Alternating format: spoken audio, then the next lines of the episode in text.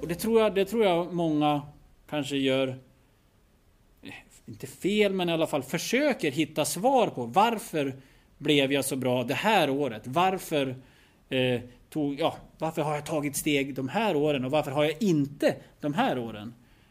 Och jag har svårt att tro att det finns ett jättetydligt svar på. Utan eh, det kan vara att eh, varför Sanna Kallu blev så jävla bra i 60 och 100 häck. Hon kanske var seg på morgonen och fick springa ifatt bussen varenda morgon från hon var 9 till 15, vad vet jag. Eh, så att... Eh, att hitta förklaringen till det är det som har gjort mig. Det, det tror jag är svårt. Mm.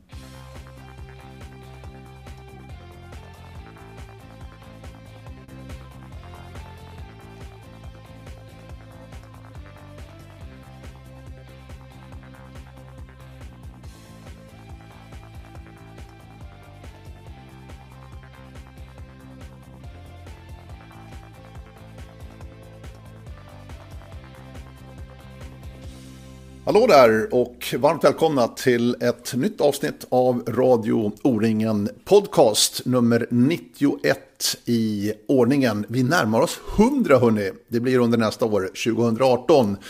Eh, ska fundera ut något riktigt, riktigt spännande inför avsnitt nummer 100. Nu är i och för sig de flesta avsnitten väldigt intressanta. Och idag ska vi prata en hel del träning minsann. Intressant och snacka träning. Ni hörde honom eh, initialt här av eh, podden. Kalle Dalin, precis nu Eh, utnämnd också som ny juniorkapten och kommer att vara anställd av det svenska orienteringsförbundet framöver. Nu gjordes den här eh, podcastinspelningen innan Kalle fick det här jobbet så att vi pratar inte så mycket specifikt om juniorer, däremot träning, ganska allmänna ordalag som jag tror kommer att attrahera ganska många. Men Kalle Dahlin har ju också en härlig idrottslig karriär att blicka tillbaka till. Eh, bland annat då Europamästare långdistans i Danmark 2004. Mäktigt var det. Det pratar vi om naturligtvis. Vi pratar också 10 mila minnen och andra sköna minnen och skrönor från Kalle Dahlins uppväxt då som löpare i Leksands OK.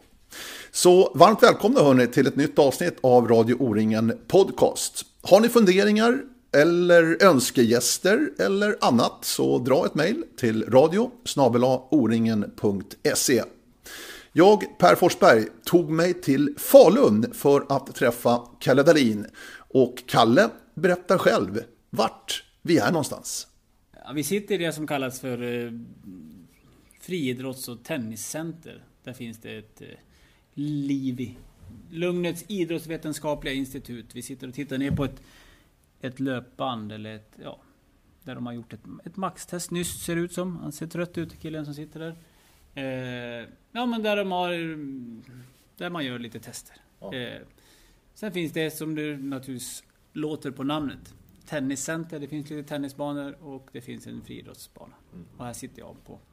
Det här har jag mitt jobb. Ja, här jobbar du. Ja. Vad, vad, vad, gör du här? Vad gör du? Ja, men, ja, jag, har, jag tycker jag har ett, ett av världens bästa jobb. Oj. Jag får vara orienteringstränare 100%. Eh, för de aktiva som finns på det som kallas för Dala Sports Academy. Eh, DSA. DSA, just det. Eh, ja, men det, är, det är trevligt. Jag får ju... Vi har träningar en gång om dagen på vardagarna nästan hela året om. Eh, och sen får jag sitta och diskutera träning med, med de som är här. Så att, eh, ja det är nice. Mm. Du, eh, tränare, var det någonting du hade tänkt att bli orienteringstränare på heltid liksom, när du backar bandet 10-15 år? Nej, det var det inte. Eh, jag, jag minns att Marita Skogum som var förbundskapten när jag eh, höll på frågade mig vad, liksom, vad, vad, drömmen skulle vara efteråt. Jag satt väl och pratade om någonting och då sa jag, då fanns ju den här verksamheten i en lite annan eh, ja, kostym. Ja men du, det tränarjobbet, det skulle jag nog kunna tänka mig. Och sen gick det några år och sen... Ja, han som var tränare då ringde och frågade om jag kunde tänka mig att prova. Och jag var ganska snabb att säga ja. Mm. Vad har du annars för utbildning i botten? Eh, jag är lärare. lärare precis. Idrott och matematik. Så att... Eh, ja, jag jobbade några år samtidigt som jag satsade som lärare. Och studievägledare var jag också. Oj. Ja. Det, var, det, var, det, var, det var roligare än att vara lärare faktiskt. Var det Var, Varför då? Ja, men då, då kom eleverna dit och så de ville ha hjälp. Liksom, de kom dit. Ja, du, fan, jag vet inte vad jag ska göra på gymnasiet. Vad, vad tror du? Så, så, sitta och snacka. Det tycker jag det är ju kul. Ja. Så vi satt där och snackade och diskuterade liksom, vad de skulle tänkas göra. Så det, det tyckte jag om. Det var, det var skönt. Alltså, Lärar, lärarjobbet är ju lite annat. Då kanske inte alla vill till 100%. Så att, ja. Så då var jag inne lite grann som, som studievägledare. Men sen läste jag till lärare. Och sen fick jag inga sådana jobb. Och sen hamnade jag här. Du, eh, vi ska prata en hel del om träning i det här avsnittet tänkte jag. Med dig Kalle Mm. som är Mm. heltidstränare orienteringsmässigt. Men jag tänkte börja lite grann. Orientering har ju varit en del av ditt liv i princip hela tiden. Ja, det har det faktiskt. Eh, jag tror jag började när jag var 6-7 år Ja. kanske. Eh, då bodde jag i Leksand. Eh, ja, sen har det bara, bara rullat på. Jag håller på med lite andra idrotter naturligtvis. Ingen, eller väldigt få får ju låta bli hockey när man bor i Leksand. Så är det ju. Så jag höll väl på med lite hockey tills jag var 15-16 år. Men sen vart det väl orientering. Har du stort Leksands hjärta när vi pratar ishockey? Ja, jag har det. Ja, Och det det är jobbiga ju... år de senaste åren Ja, eller? det är ju... Både upp och ner verkligen. Ja, ja. Det var ju ett fan... Ja, jag kan ju fortfarande leva på den här sju seriesmatcherna mot Modo när vi fick... Ja, när det gick bra. Sen gick det åt inte lika bra året efter mot Mora då. Ja, nej men det, jag, kan, jag njuter fortfarande av den där sista matchen mot Modo. Och jag, ja, jag vet ju exakt var jag var, var jag satt, hur, ja sådär. Det är trevligt att tänka på det. Första april var det. Jag satt på Grövelsjöns eh, gård, Grövelsjögården sådär. Och datorn med projektor och så satt vi där 15-20 pers. Var det så? Ja. Två modoiter i gänget. De var rätt nöjda när det var en kvart kvar. Sen vände det. Nej, det var, det var lattjo. Så det är klart, hockey... är- Ja, men jag följer med. Mm. Försöker följa med. Jag åker inte upp till Leksand så mycket längre. Men... ehm, Ja, mina barn tycker också det är kul med hockey så att vi... Ja, vi följer det. Och sen var det ju spännande under ganska många år också. Leksands OK hade ju en del av försäljningen också i arenan då under Leksands matcher. Där har man gått. Så ja, det var ju också en naturlig koppling för er Ja, orienterare Ja, då. Att jo, vara en del av matcharrangemangen. Ja, ja, men så var det. Man gick med någon korg på magen och, och sålde både chips och läsk och godis och sådär. Så det var, och sen hade man, sen när det upphörde, sen, nu tror jag inte man får gå på läktaren. Nej, Nej. nej. Utan, eh, och sen hade vi någon kiosk som man stod där och sålde korv. Och, ja, man fick ju se matcherna så det var väl bra. Mm. Det var, och så tror jag klubben drog in rätt bra med pengar faktiskt. Så bra så att nu vill ju inte Leksands IF att någon annan klubb ska få ta del utav det. Utan nu kör de det själva. Mm. Eller kanske ungdomslagen. Jag, vet, ja, jag har dålig koll nu. Men. Mm. Du, en eh, framgångsrik karriär ändå, måste man ju säga. Du hade Kalle. Som hockeyspelare? Nej. Ja, den vet jag, han har lite dålig koll på alltså. Nej, det var nog inte. Det var inte så värre. Nej. Du var för liten och klen. Vet du. Ja, det var det. är- Det är helt sant. Det var bra när, när, när ingen hade vuxit. Men sen började folk växa. Ja. Och, ja, nej. Men som ungdom så fick du ju framgångar. Du kände ju Ja. att du var med och fightades. ja, jo, det var det. Absolut. Det var, det var kul för redan från start. Och det gick, det gick ganska bra i alla fall. Ganska bra. Jo, det gick bra. Ja. Ja. Så att... Eh,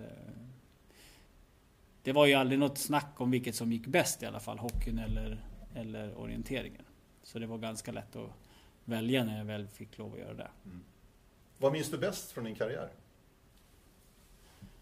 Ja, men... eh, Tyvärr så är det ju så att eh, där det har gått dåligt sitter faktiskt kvar mer. Att jag inte fick springa sista sträckan på hemma-VM 2004. Det svider fortfarande rejält. Ja, absolut. Eh, Jag sprang ju långdistansen och slog i knät och fick sy och så, så blev det ingenting. Och jag skulle springa sista där. Det hade varit jävligt roligt. Så det svider. Det, det, och det kommer tillbaks mer än... Ja men, den dagen när jag vann EM eller ja, något sånt där. Utan det är den där... Jag hade velat vara med där. Mm. ja, jag, jag minns en, en, ett tillfälle väldigt, väldigt väl faktiskt. Och det är 1998, 10 milen. Ah, Rudan. Ja, den är svider också lite. Där Leksands OK ger Halden en riktigt, riktigt bra match fram till din sträcka, Kalle. Sträcka 6. Ja, jag var det 6? Ja, det kanske ja. var 6. Ja. ja, visst. Ja, all, ja, den är svider också lite. Ni hade ett väldigt bra lag då. ja, men ganska unga. Ja, absolut. Vi, shit, vi var... Jag tror vi snittar på 21 år eller ja, något sånt. Men ni gjorde en väldigt, väldigt bra kare fram. Äh, ja, det, det, det, var, en, bra. det var en som gjorde bort sig. Ja. Det var ju, ja. Men berätta vad som hände, för att det, där var ju också så häftigt, för att jag jobbade på Radiosporten då på den turneringen. Ja. Och det var väl Leif Larsson tror jag som var där ute vid den kontrollen där. Ja, eller Anders Järrud satt det va? Ja, jag tror att Leif och Anders till Jaha, till ja, och med det. Ja, ja. Skitsamma. Ja. ja, men innan mig så sprang ju alla jättebra. Och så hade vi skojat liksom. Ja, ja, och så kör vi. Ja, vi ska vara med ut på långa natten. 1 och 2. Min brorsa sprang tredje. Ja, men där, det, det, kommer bli färre och färre som är med. Det kommer gå fort. Det är inga problem för dig. Det fixar du. Ja, ja visst. Jag tror Anders var... Det var väl två eller tre eller något sånt där. In. Och sen kom det två stycken. Nej, sen kom det en gafflad sträcka tror jag. Och sen skulle Per Möller ut på en kort hängsträcka, sträcka 5. Mm. Och så bara gött, det är ju långt från sista och in. Du, du bara, du ligger i rygg, inga problem. Eh, och sen eh, gasar du. För Pelle var ju jättelycklig. Han tog väl medalj på terräng-SM som junior det Så han sprang ju jättefort. Så, när han, så sa vi det att ja men så ger du Kalle mig då en liten lucka ut på sträcka 6 och då rycker vi. Och så skrattar vi så här, ja för fan det är klart vi gör. Inga problem. Och så Pelle kommer till sista kontrollen och farsan står där bara Det är fri fart nu Pelle! Och han sprang och jag hade en lucka på över 30 sekunder när jag sticker ut. Så han sprang, han sprang, ja, han sprang fort. Och jag körde ju på. Bra, nu, nu rycker vi. och det gjorde vi ett tag. Ja. Så jag tror vi hade tre minuter eller något sånt där. Och så kom vi in till en, ja, men en kontroll och hörde att det var någon som satt där och snackade. Och så in, stämpla och så drar vi iväg och så drar ju en kontrakurs som är hyfsad. Ja, verkligen. så, ja. ja, men så det, det gick ju 10 12 minuter tror jag. Ja. Och alltså det var det enda. Sen gjorde jag, jag gjorde ett jättebra lopp fram dit. Gjorde det där 10 minuter antagligen. Ja. Och sen gör jag det jättebra resten. Så jag tror jag var sex efter i målen och sådär. Ja, så, men då var vi, ja, då var vi inte i täten längre. Nej. Men sen vände de på det. Exakt. Och det blev ändå en andra plats i slutändan. Mm. Niklas Jonasson sprang sista och fick spurta mot Jarmo Reiman Angelniemen Ankori. Så var det ja. Mm. Eh, jag tror inte vi var 10 minuter efter hallen. Nej. Vi var nog mindre. Men ja, så är det. Det var surt den här kontrakursen alltså. Det var, ja, det var en kontrakurs på riktigt verkligen. Ja, det var det. var precis vad det var. Ja. Och liksom he, och så, det var en ganska kort sträcka. Och, ja, men det blir så här stående. Det stämmer ju ingenting. Det bara flöt ut och man liksom... Nej. Eh, och det tog tid. Mm. Det tog mycket tid innan jag... Ja, rädd, jag frågade tror jag. Jag frågade en kille från Hedemora. Har du någon koll vad jag är? Nej. Nej, inte jag heller. Tråkigt. Så leta, leta vidare. Så att, ja. Ja, den, jag kommer ihåg den också. Det märker du ju. Ja, men det är klart. Det är klart. Äh, ni var väldigt bra då, Leksand. Ja, jo. Hade ett väldigt, väldigt intressant lag. Mm. Eh, du var inne på det också, EM-guldet då 2004. I, i Danmark. Mm. Ute på... Möns Klint. Ja, Möns Klint, exakt. Ja. Oh, det, jag minns det också. Ja, jag förstår det. Ja, ja. Eh, för att du var inne på VM då, också 2004 nämligen. Det var, ja. det var bra det året, Kalle. Det var, ja, det var väl mitt bästa år. Ja. ja absolut. Fanns det någon förklaring till det? Eller var det bara att du hade mognat och liksom vuxit in i seniorkostymen ordentligt? Eller vad, vad berodde det på? Ja, det, det var en speciell det satsning i nej, ja, nej, det var det inte. Utan det var ju mer att... Eh, ja, men det är klart jag ville. Jag ville ju flera år innan det var med längst fram Sen är, sen är det jättesvårt att sätta fingret på vad det är som gjorde det. Alltså, just då, när, när jag skulle försöka utvärdera säsongen efteråt, så trodde jag, eller ja, min tanke var ju att jag eh, hade varit skadad något år innan där, kört ett, ja, men ett rehabprogram som jag sen hade tagit med mig in i träningen som men jag kallade för spänst styrkeprogram och körde det jättemycket två, tre gånger i veckan. Och har man gjort en sån ändring, jag blev tvingad till det, jag gjorde ändringen, tog med mig det in i, i träningen och sen får man resultat. Det är klart att man tror att det, fan, det där är ju nyckeln. Det är ju självklart att det måste vara det, de spänsthoppen, den styrkan som jag körde då som har gjort att jag blivit gått från att vara men vad, vad, vad var jag? Men 15-20 i Sverige till i alla fall vara var nära en, en VM-plats och så. så att, men sen om det är sanningen, det vet jag ju inte. Alltså, det kan vara att jag men en, kontinu, fick kontinuitet i träningen och sådär. Så att eh, ja, jag tränar bra, men jag kan inte sätta fingret på att... Och det tror jag, det tror jag många kanske gör eh, inte fel, men i alla fall försöker hitta svar på. Varför blev jag så bra det här året? Varför eh, tog, ja, varför har jag tagit steg de här åren och varför har jag inte de här åren? Och jag har svårt att tro att det finns ett jättetydligt svar på. Utan eh, det kan vara att eh, varför Sanna Kallu blev så jävla bra i 60 och 100 häck. Hon kanske var seg på morgonen och fick springa ifatt bussen varenda morgon från hon var 9 till 15, vad vet jag. Eh, så att att hitta förklaringen till det är det som har gjort mig. Det, det tror jag är svårt. Mm. Det, och jag har, jag har... Då, 2005-2006, trodde jag att det berodde på det där. Att jag tog ett steg och kom närmare Sverigeeliten. Men idag så tror jag inte att det var det. Det var, det var väl att jag har tränat tillräckligt mycket under en tillräckligt lång tid och så, så kommer resultatet. Mm. Och ett EM-guld, långdistans alltså, i, i Danmark. Mm. Eh, det var ju lite överraskande måste jag säga, tyckte jag personligen, att du lyckades i Danmark. Jag har inte lyckats överhuvudtaget. Nej, nej verkligen det... inte. Nej, det var inte det som, men just den typen av terräng liksom, som kanske inte ja. riktigt är den man är van vid eh, här hemifrån. Nej, nej det har du rätt Men jag tror att jag... Mm, jag vet inte. Jag tror att jag var rätt bra. Ja, det, så jag, det, det, det, hade nog inte spelat så stor roll var, var det hade gått. Men sen att det, ja men lite hårt i backen, det skadade nog inte mig. Det var nog bra det. Eh, så att... Eh, ja, ja, jag, Är man tillräckligt bra så tror jag man kan prestera nästan var som helst. Nu, nu är det i och för sig, vad är det, 13 år sedan?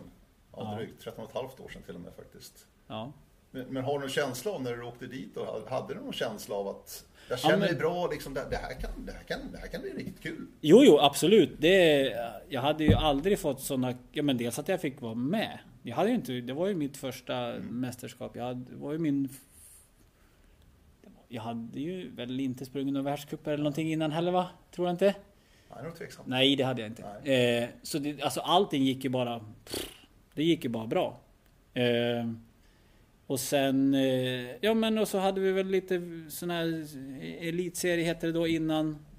Där det gick riktigt bra. Ja, det är klart. Och är man bland de, de bästa i Sverige så vet man att man har chansen.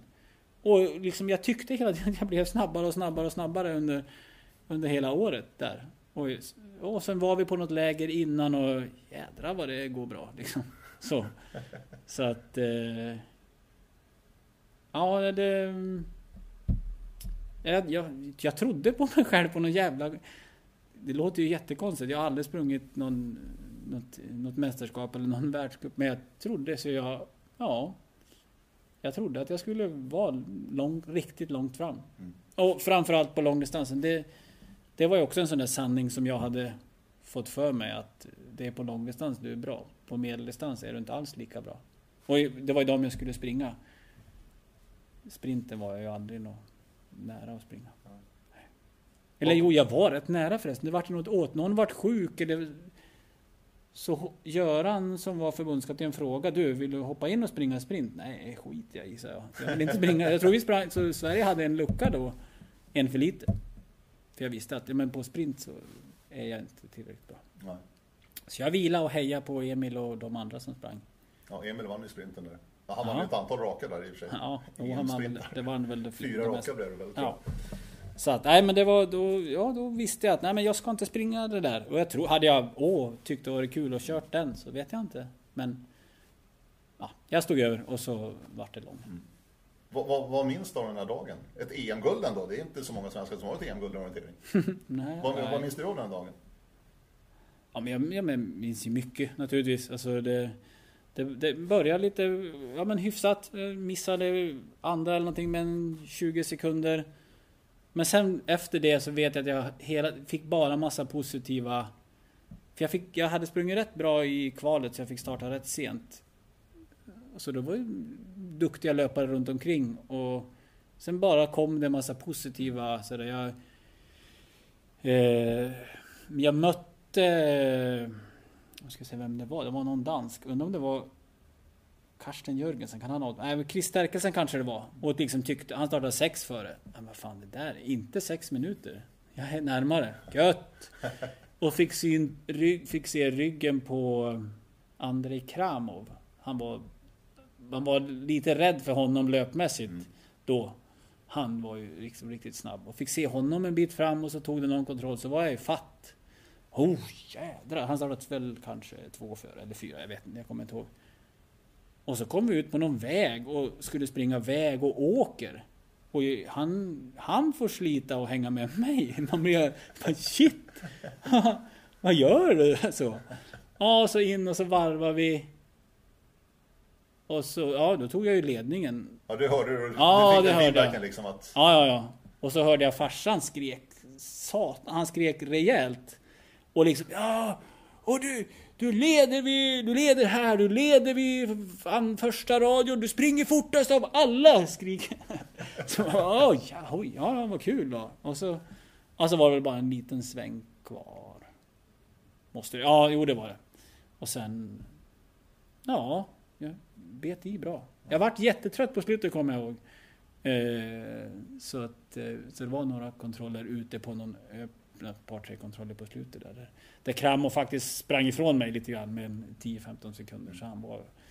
Men ja, ja, ja, det räckte i alla fall. Mm. Och det här var alltså VM-året då, 2004, som där på hösten då i september var det VM i Västerås. Mm. Där du tog en plats i laget. Mm. Mycket tack vare EM-guldet naturligtvis, och en fin Ja. Ja, precis. För testet gick ju katastrof. Mm. Det, det var ju... Det var ju... Ja, nej, men det var väl nere i... Det var Järla som arrangerade tror jag. Ja, Erik Andersson vann testet och fick inte vara med och springa. precis. Den platsen fick jag istället då. Det var man ju nöjd över då. Men hade jag hetat Erik så hade jag varit förbannad, Ja, tror jag. ja. Eh, ja, men då... Och, ja, och tyckte sen när, när VM kom att, att jag var bättre än, än EM. Jag, jag är fan riktigt bra nu. Det här är ju... Ja, det, då var jag... Ja, det var fränt. Det var en sådär... Ja, men jag fick mitt... Ja, men jag har, åkte upp till Idre och var där i tre veckor. Och, och man, jag kände bara att det var... Ja, det är coolt. Cool känsla. Men vad hände? Ja, det gick i... Ja, men vi hade ett kval först och där var jag snabbast av alla. Så jag fick starta sist av alla. Och börja bra. Riktigt bra. Eh, Mats Haldin startade väl näst sist tror jag. Jag var ifatt honom efter ett par kilometer. Ja, gött. Det här går ju... Här, livet leker. Det går hur bra som helst. Och sen hade vi någon sträcka så sprang vi ihop där. Jag kommer inte ihåg. Vi delade på oss lite grann på någon sträcka och kom ihop igen. Och sen vart det lite utför och så skulle jag väl ja, men försöka springa fort och ja, slår omkull och slår i knät och så in i helsike. Och så ah, jag började halta och så här och så vart det en fjäril precis. Och då hade vi olika, Mats och jag, så han försvann och jag hoppade runt där tyckte jag liksom jävlar det går inte eller går det kanske?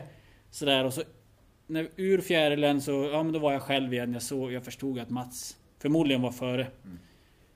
Och så ur den där fjärilen då har vi en jättelång sträcka. Och nu börjar det gå bra att springa. Och så tittar jag ner i, på knät och så ser jag det är mörkblåa strumpor och det är så här skummigt. Eh, bara bloden av, ah, så här, äh, vad fan, och vart rädd faktiskt. Och då gör jag, så springer, därifrån, så när jag tittar ner och så tittar upp igen, då springer jag 90 grader helt åt helvete och kommer ut. Ah. Och så, ja, då vart det, då var, det var kört sen. Mm. Så att, eh, Och då var det VMet. det var slut sen ja. Ja. För sen sydde vi ihop det där och sen tror man ju, men det går. Det kommer gå. Och sen eh, Mia Jodal som sydde det där, hon... Ja, det kan nog bli svårt att springa om det var två eller tre eller fyra dagar senare. Nej, nej, nej, det, det, det kommer gå så här. Så vaknar man nästa morgon så hade vi något möte. Så bara, nej, du Kalle, det, jag kommer att säga till eh, Göran att eh, det blir ingenting. Jag kommer ihåg jag bara... Tårarna bara stormade fram. För jag, ja, mm. då vart jag besviken. Mm. Riktigt besviken. Mm. För jag tycker ju stafett är fränt. Mm. Och få springa sista för Sverige på ett hemma-VM, det hade varit, det hade varit något. Mm. Jag, jag, jag, tror inte jag hade förlorat så många spurter. Jag var rätt vass sådär man mot man. Så jag hade inte förlorat så många ja, innan det. Mm. Och så vart det ju man-man fight. Niklas, Valentin Novikov och Jörgen Rostrup. Det är Jörgen Rostrup som inte har slagit någon i någon spurt på, jag vet inte fan. Får vinna. Han var stark där. Det var han absolut. Ja. Jag hade velat vara med. Mm. Mm. Annars är det min känsla från din karriär Kalle att eh, just stafetter kavlar med Leksands OK då, eh, viss mån Sverige också, men framförallt med Leksand då att mm. du växte lite grann där. Det kändes som det, att du, du gillade att springa stafetter just. Mm. Ja men det, det... Det var en viktig del så att säga av, av, av din, din aktiva karriär. Ja, ja. ja men så var det. Det var ju jätte, jätteroligt. Eh, och vi hade, ja, men vi var ett gött gäng ja. som... Stommen hade vi hängt ihop ganska länge i Leksand. Och sen att, ja men... Någon till kom mm. ibland så Men nej, det var... Otroligt häftigt var det. Mm. Och det är ju, ja men det är och det, det är inte bara 10 mila Jokkolo utan det är så här att man åker och eller, och springer och springer bra på Rånestafetten eller Stigtomta eller något sånt där. Det var, det var fullt ös. Även på de stafetterna. Så att... Eh, och ja, men den glädjen i att springa alla små stafetter och blåsa fullt kanske hämmade lite grann om man ska vara lite kritisk till den individuella satsningen och till ja, min, min landslagskarriär var ju ganska kort och lite... Ja, det var ju ett lopp egentligen. ja, ja, EM-stafetten ja, sprang jag. Ja, det, ja, men det var väl den, ja. den helgen, eller vad man ska säga. Annars var det väl en, ja, men den där 28 platsen eftersom jag slog knä där på långdistansen mm. och sen sprang jag VM i Japan och hoppade över en kontroll. Det är inte heller så jävla upplyftande.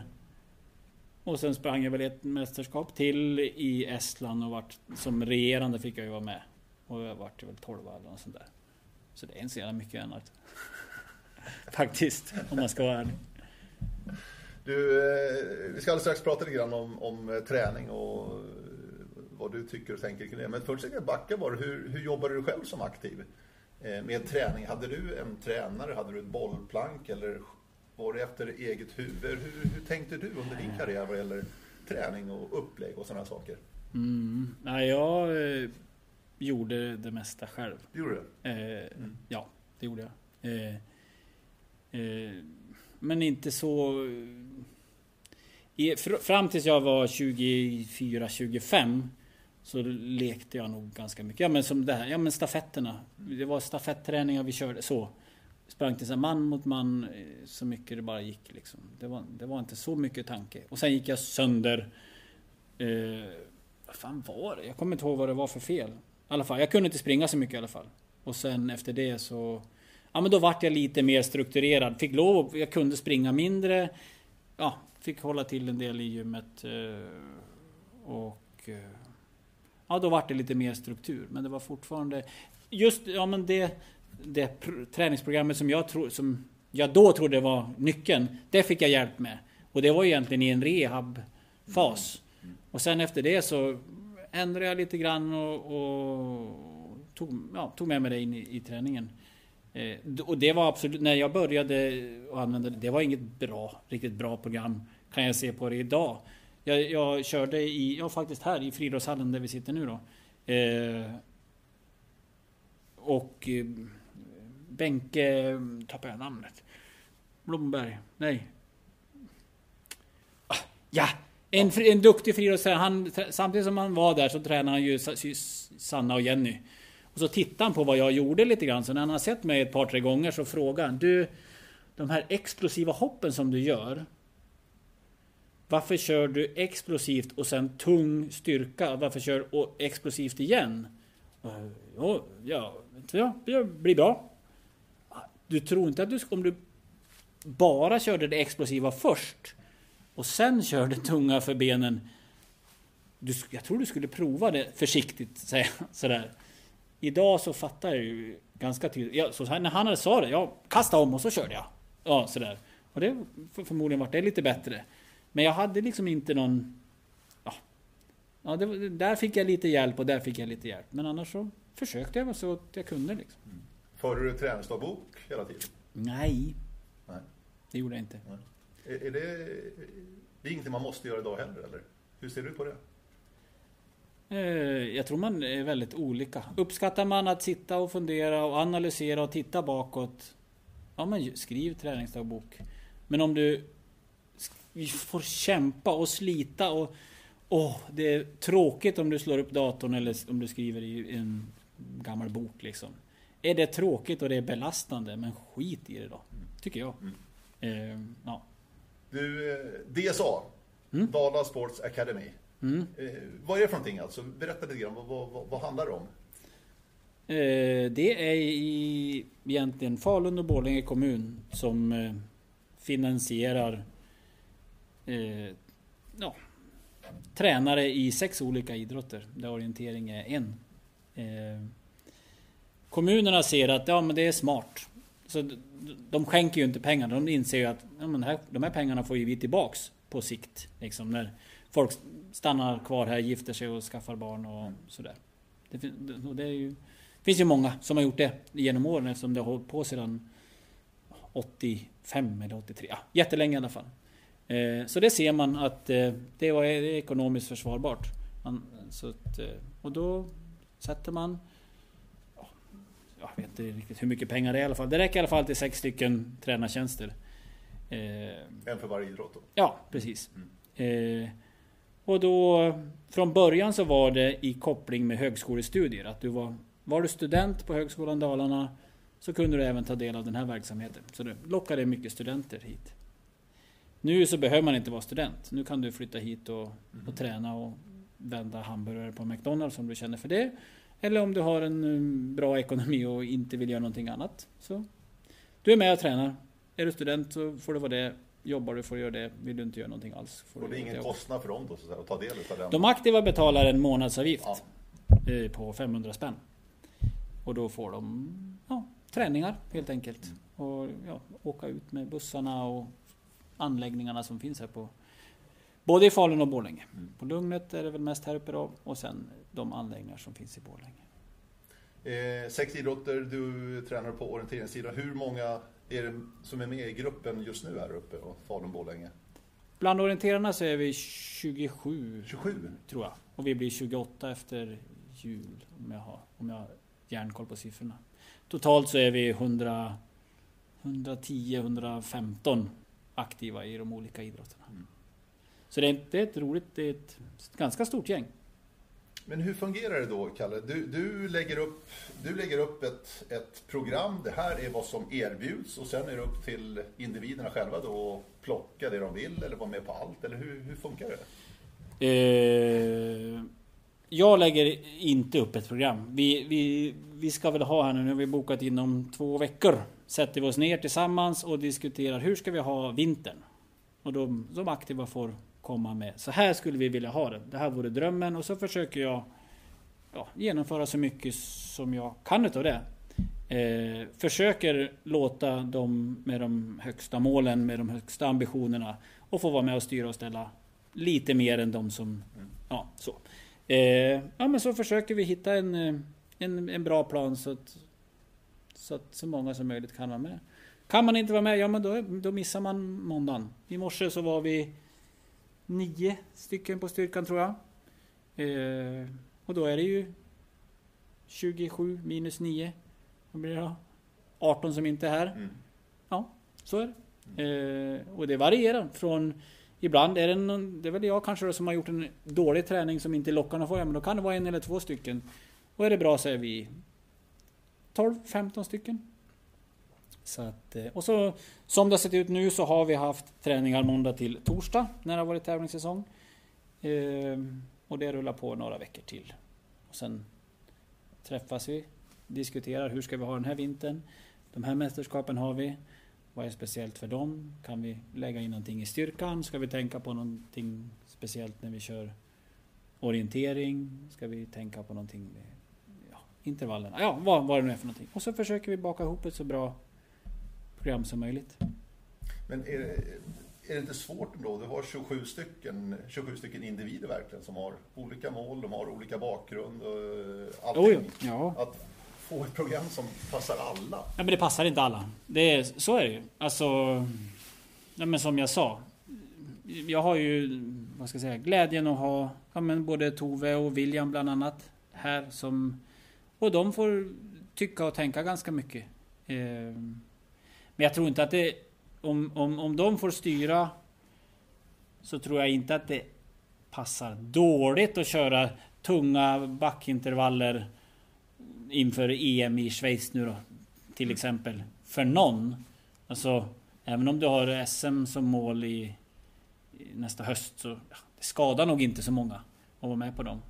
Så att... Eh, men det är klart. Det, ja, men, ju högre mål du har och ju bättre du har presterat tidigare, ju mer får du säga till om. Så, så jobbar jag. Ja. ja. Men du, om, om du jämför eh, med din karriär då, vi, vi, vi tänker tillbaka 15 år ungefär. Mm. Vad, vad, vad, händer vad gäller träning, upplägg? Alltså det måste ju ske en utveckling där också. Vart hän går träningen för orientera, elitorienterare så att säga i dagens läge? Vad, vad, gör man mindre av, mer av? Eller är det ungefär detsamma skulle du säga? Nej men...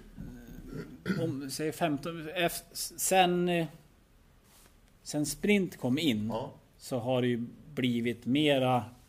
Vad ska jag säga? Gått lite mer mot hårdare underlag och, och lite mer löpskolning och lite mer att man... Ja, man, man månar om ett lite bättre löpsteg. Så det är väl den, den stora förändringen kanske. Är det mindre mängd menar du också? Liksom? Är, det, hör det ihop?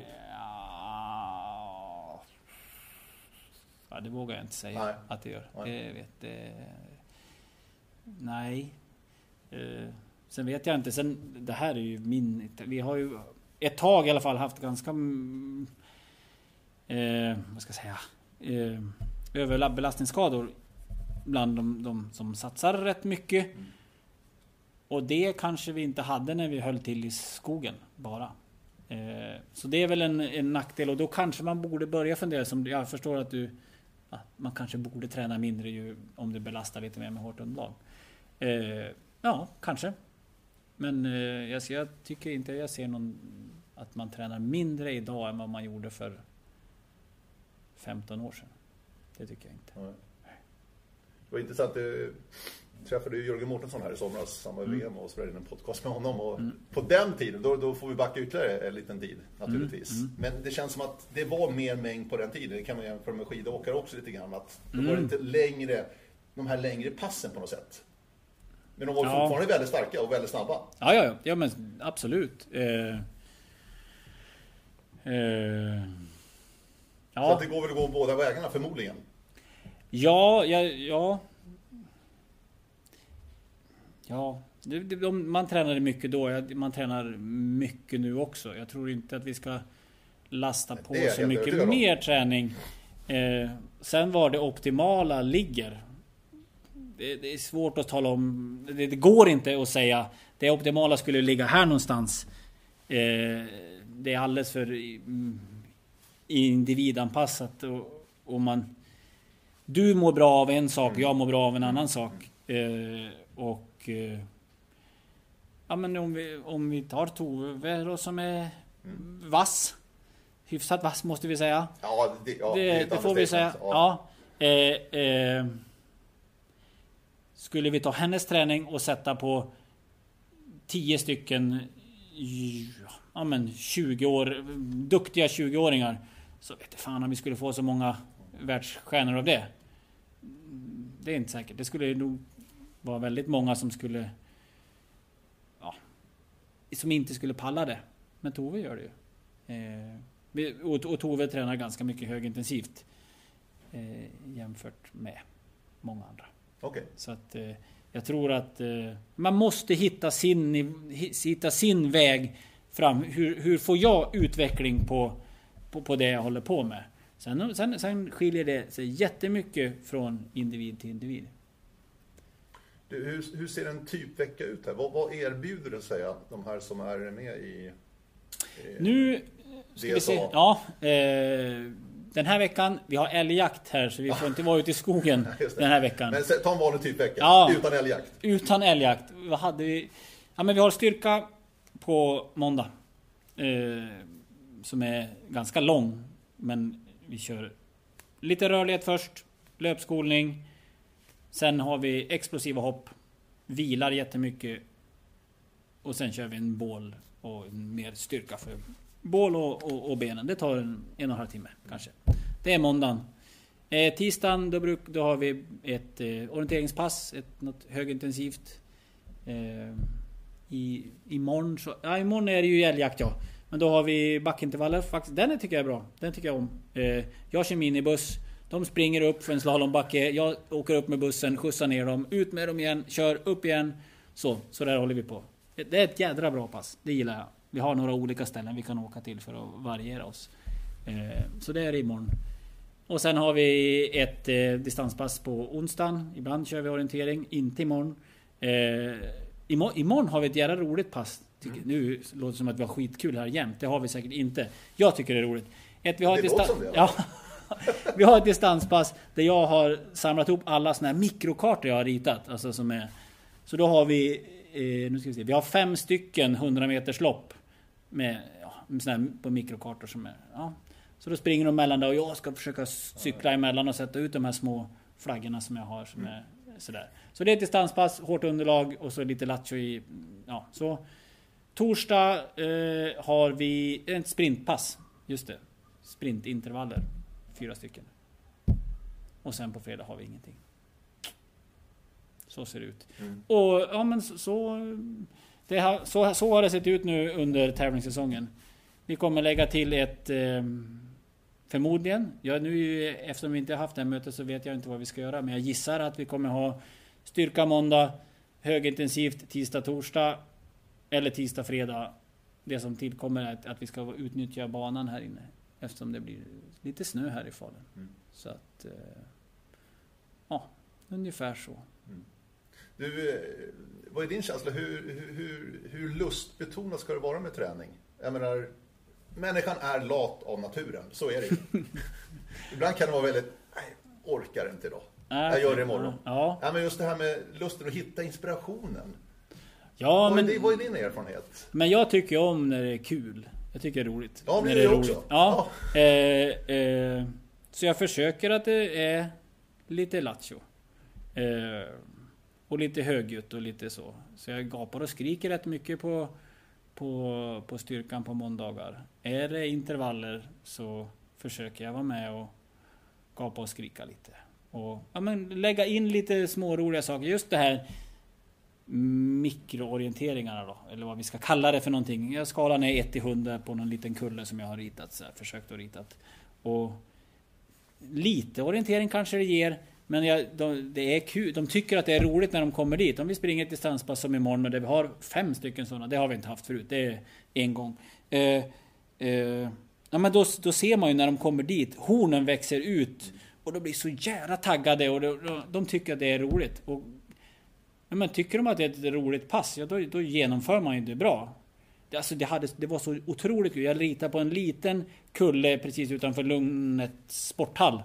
Där. Och Ludvig Åhlund. Det var, det var det, nu ska vi se. Det var kvartsfinal, semifinal och så var det final. Och Ludvig hade sprungit så jädra bra på de här. Och det här är- det är på ploj, det är 40 sekunder av ett distanspass. Och så kommer tillbaks, nu är det final, han är skittaggad. Och så springer skitdåligt på den här finalen. Och blir så jävla, så, så arg. Så han, han kunde inte springa iväg med de andra. Då skulle de fortsätta springa en stund till. Nej, han blev kvar vet du, och står och sparkar och, och fräser i... Äh, det är så jädra roligt. Och ja, ja men... Bara, och en sån grej, får, någon, någon får ju lyckas och känna Fy fan, vad jag är skit, jag är grym. Och någon blir, ja, Någon blir som Ludvig. Jag har aldrig sett han så arg. Jätte, jätteroligt var det. Så att... Eh, ja men det blir... Ja, det händer någonting. Lite skoj. Så. Och så kan vi garva åt Ludvig sen efteråt då. Herregud vad arg du vart. Ja. så. Ja, ja. Men han gillar sånt. Jag, jag vet inte om du har varit hemma hos honom. Familjen Nej. Ålund utanför Örnsköldsvik och Skällevad. Nej, nej. Jag har ju varit hemma där, sovit en natt. Ja, det vore ingen ja. förberedelse för förberedelsen det, om nästa år. Han har ju en karta in i deras badrum. Jaha, ja. Lite tredimensionell sådär. Oj, ja. Så där har ju en, en rankinglista också. Jag har sprungit den banan, jag säger inte hur Aha. mycket. Jag ligger i mitten någonstans. Den ska Ja, jag inte springa. sämst, men den ska du, den ska du faktiskt Ja. Den, det- är, den är lurig. Ja, ja, Ja. den ska jag Så testa. han gillar sånt där också. Ja, ja. Det var dit jag ville komma lite Ja, okej. Ja, och då förstår jag. Ja, då vart han han Exakt. inte... Nej.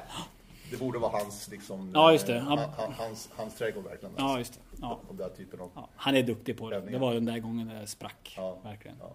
Du, när de kommer hit då, eh, första, när de, när de liksom börjar högskolan, eller börjar här på DSA utan högskolan, men många kanske kommer från ett orienteringsgymnasium också. Mm. Har liksom varit där och fått den träningen. Mm. Hur pass mycket lägger du kraft på individen? Försöker du lära dem så att du liksom kan med och styra? Nu är det 27 stycken, förstår att det måste vara jätte, jättesvårt, men Mm. Nej. ändå en viktig bit måste det vara så att de känner sig sedda också. Ja. Av, av dig som tränare, Kalle.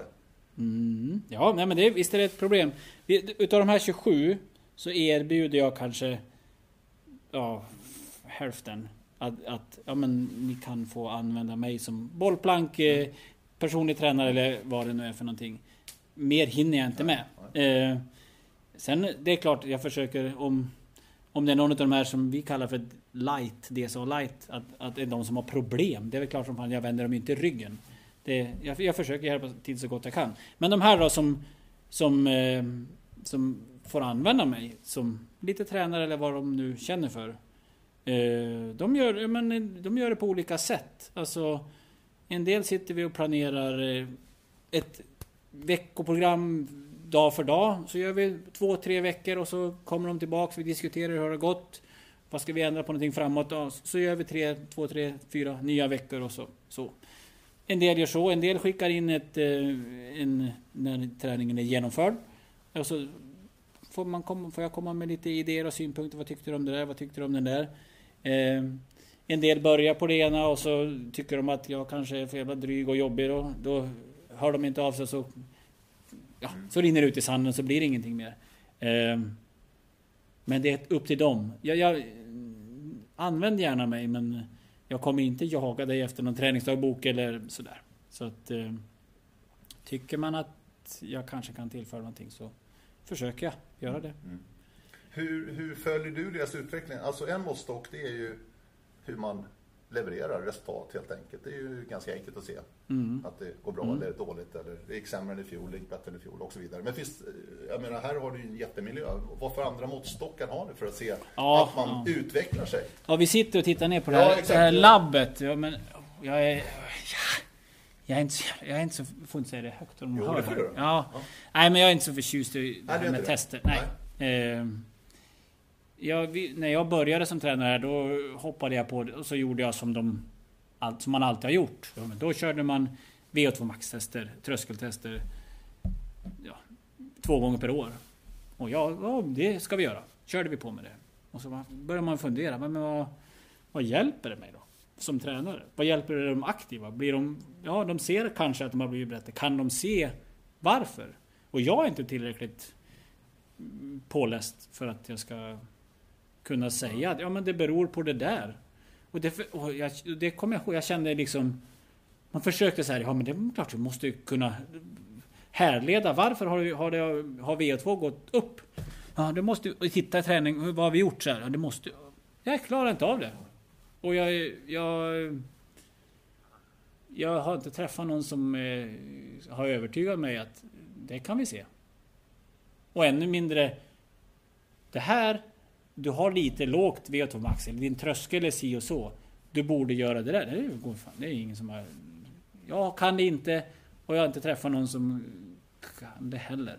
Så några tester är väldigt få. Det är väl kul att göra något test ibland och se att, att det går åt...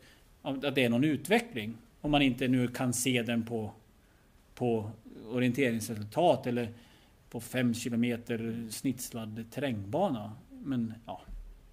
Ser man det inte på den 5 km banan, då ser du inte i labbet heller. Skulle jag tro. Mm. Så att... Eh,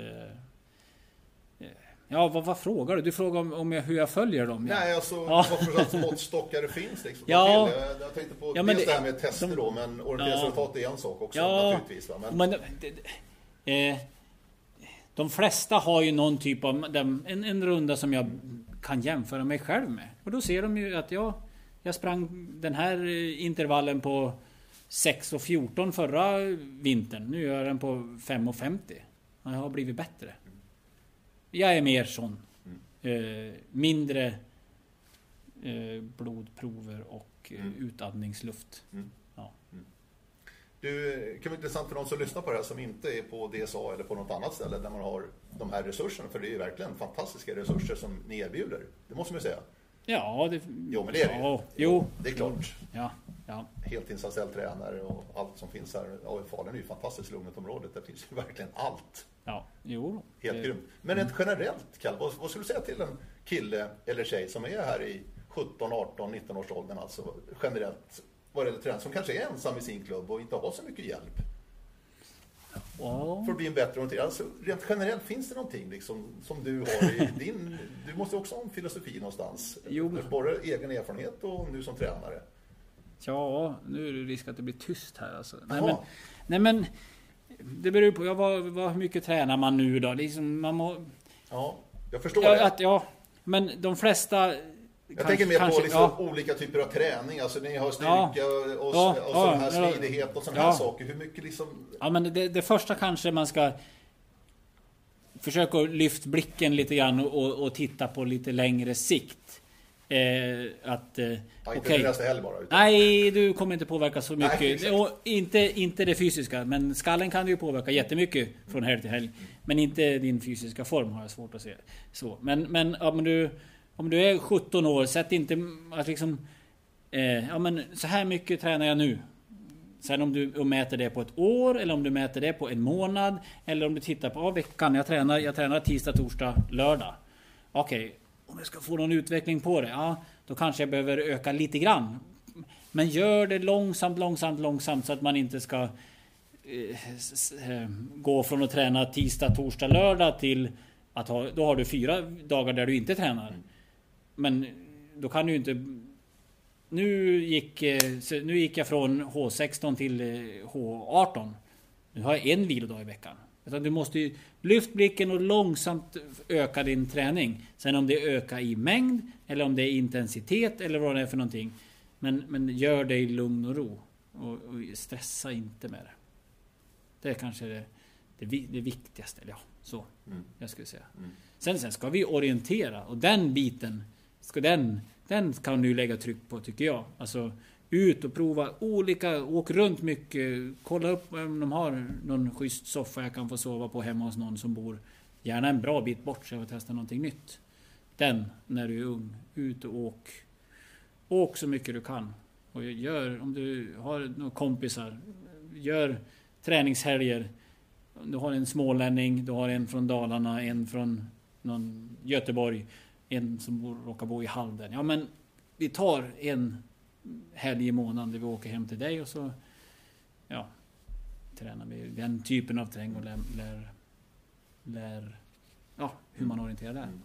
Det tror jag på. Du var inne på din typvecka här i Falun då och Borlänge med, med DSA. Eh, finns, det, finns det någon, liksom, eh, någon formel för hur mycket OL-teknik som man tränar kontra fysiken? Eller går det här ihop? Eller hur, hur ser du på det? Nej, det, finns ingen magisk formel. Det finns ingen magisk formel för någon typ Nej. av träning egentligen.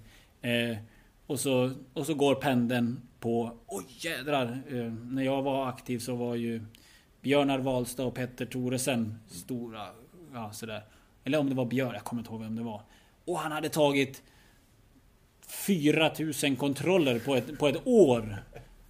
Och, och så vann han VM i Sverige 2004. Det är där har vi det.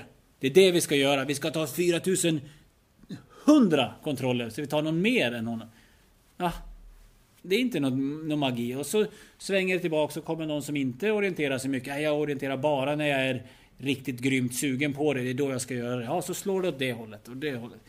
Det gäller att hitta sin... Vad, vad, vad passar för mig? Liksom. Eh, det tror jag mer på. Det är en väldigt individuell idrott det här. Ja, men det, ja, och det är ju träning överhuvudtaget. Ja. Jag, ja, men, så, så är det ju. Ja. Eh, hitta det som du... Den träning som du vill bedriva, som du tycker är roligt. Eh, och den som du ser att ja, men jag, jag blir bättre utav det. Inte från helg till helg. Men jag, förra året så var jag så här bra, nu är jag lite bättre. Bra. Då gör jag någonting som är vettigt. Så. Och sen, ja men det är klart att det finns folk som är jätteduktiga på vissa saker. Och, och har man den möjligheten att man kan ta hjälp av någon så då är det, då är det skitbra. Eh, lyssna men också vara restriktiv och liksom... Alltså, jaha, han säger sådär. Jaha, finns det någon som säger någonting annat åt andra hållet? Ja, då kanske man ska fundera och testa och prova. Så att, eh, ja. Du var ju inne och eh, Toggar jobbade med eh, svenska landslaget också. Mm. Under Håkan Karlsson. Mm. Hjälpte till under, hur lång tid blev det? Nej, det var inte så. Det var, det var ju från i höstas någon gång fram ja, till VM. Fram till VM då. Ja, precis, precis. Exakt.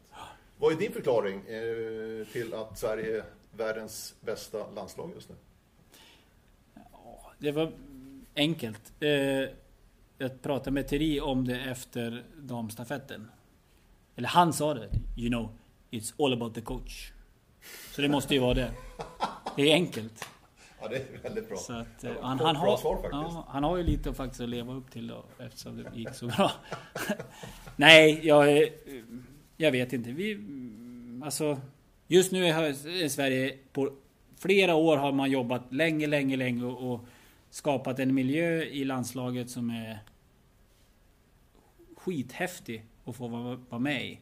Där alla drar åt samma håll och en, jätte, en spretig grupp. Alltså jätteolika människor men om på något jädra sätt så drar alla åt samma håll och vi hjälper varandra och så. Så det är ju skithäftigt och det var jätte, jätte lärorikt och spännande att få vara med i den där gruppen ett, ett tag. Um, och det, och så det, det har, to, det har tagit några år att sätta sig om men nu, nu är de flesta som har varit med ett tag, de är trygga i det. Kommer du ny och får vara med för första, andra, tredje, fjärde gången no, men man, man kommer in i det och man liksom sådär. Och det är en... Ja, ett sätt att eh, umgås och trivas och allting som gör att, att eh, när man tränar så gör man det och man gör det på ett jävligt bra sätt. Och, och man har hittat ett, ett sätt att... Och nu, kommer, nu går mästerskapet i Estland eller där, där, så. Ja, och vi vet, eller i landslaget vet man hur man ska göra och eh, man, man har ju bevisligen lyckats med förberedelserna och sådär. Så att, men mycket tycker, tror jag hänger i att hur man trivs när man kommer till... När man sätter på sig Sverigejackan och åker iväg. Man är liksom, ja! Man vet att jävlar nu kommer en vecka som är... Ja, man trivs och, och har det bra. Och man vet att man kommer lära sig jädrigt mycket. Så att... Eh, det tror jag är den stora och du ser i sån här miljö då, tror du att det kommer fortsätta också? Kommer påfyllning underifrån? Ja, det tror jag. Alltså... Sen... Eh... Så att Sverige kan behålla den här Jo men det, absolut. Det, möjligheterna finns ju, absolut. Och de aktiva finns. Sen, sen gäller det ju att... Eh, vad ska jag säga? Man, man har... Att den här miljön fortsätter att finnas där och... Eh, och det, ja, det... Någon har ju startat den och det är väl kanske Anneli och Håkan som tillsammans och Sussi som liksom har skapat det här och det är ju inte bara... Nej, nu, Håkan kanske fortsätter i, tills han blir pensionär, det vet jag inte men... Någon som ska ta över och någon som ska ha kanske samma syn på det. Ja, det är inte säkert att den får samma eh, härliga stämning eller vad jag ska säga. Ja, alltså, nu sitter jag och säger att det är enda svaret. Det kanske är så att det finns eh, löpare i Sverige som skulle vilja ha det på ett helt annat sätt. De kanske skulle vilja ha en militär som gick in och pekade med hela handen och, och som skulle må bra utav det. Mm. Och då kanske världsmästarna hade hetat någonting annat men de har fortfarande varit svenska. Eh, det vet jag ju inte. Nej. Men, men, eh, men... Eh, ja. Det är klart att det finns en möjlighet att, att det svenska inte dominansen, men, men i alla fall att det kommer finnas, kommer bli svenska framgångar framöver på seniorsidan. Det tror jag. Spännande. Du, eh, ska avsluta. Jag vill bara att du ska avsluta med, i och med att det är Radio O-ringen Podcast det här. Mm. Ditt bästa O-ringen-minne. Får du gräva i Ja, arkiven. ja, just det. Eh, ja, men det coolaste var nog Gottröra. Du var ju med då. Ja. 2001. 2001 ja, då var jag ganska valpig och, och lite sådär nyseparerad. Eh, och jag vann någon etapp tror jag. Ja. Och så när jag svänger in, det här har vi inte pratat om, det kommer ju låta som att vi har pratat om det här Nej, det innan. har vi inte gjort. Nej. Nej. Det här ska bli spännande att när, höra. jag, när jag svänger in på upploppet, då sätter du, eller den som mixar musiken, sätter ju på någon sån här Leksands hockeylåten någonting så här. Ja. Och jag blir ju så jävla eld och lågor. Så jag tror jag... Jag tror jag vinner... Ja, det här har jag kollat. Jag har 55 sekunder från sista och in. Jag tror den som är tvåa har 1.00 eller 1.01 eller något sånt där. Jaha. Jag springer på Du fick liksom... en sån kick liksom. Det här var helt sjukt. Och så, ja, så hade jag ju gått bra. Så Ja. jag vann den etappen. Gjorde jag. Och, nej, det var, det, den känslan. Oj. När jag, när jag kände att man, den här musiken, den är fan, den är till mig. Så in i helsike. Ja, men så, det var då tanken. Ja, jo, det var det. Och jädrar. Du, som jag sprang då. Shit. Så fort har jag nog aldrig sprungit på ett upplopp någon gång. Det ska vara, nej. nej det. Så det får jag ta. Ja. Gottröra. För Gottröra för mig är inte ett flygplan som Nej. trillar i Nej, backen jag utan det är den här Ja. etappen. Det var roligt. Underbart. Eh, tack alla dig Ja, tack själv. eh, som min gäst här och lycka till med DSA framöver också. Tack för det. Eh, och tack också till er som har lyssnat. Hör gärna av er. Eh, radio oringen.se är adressen. Vi hörs framöver. Ha det gott. Hej då!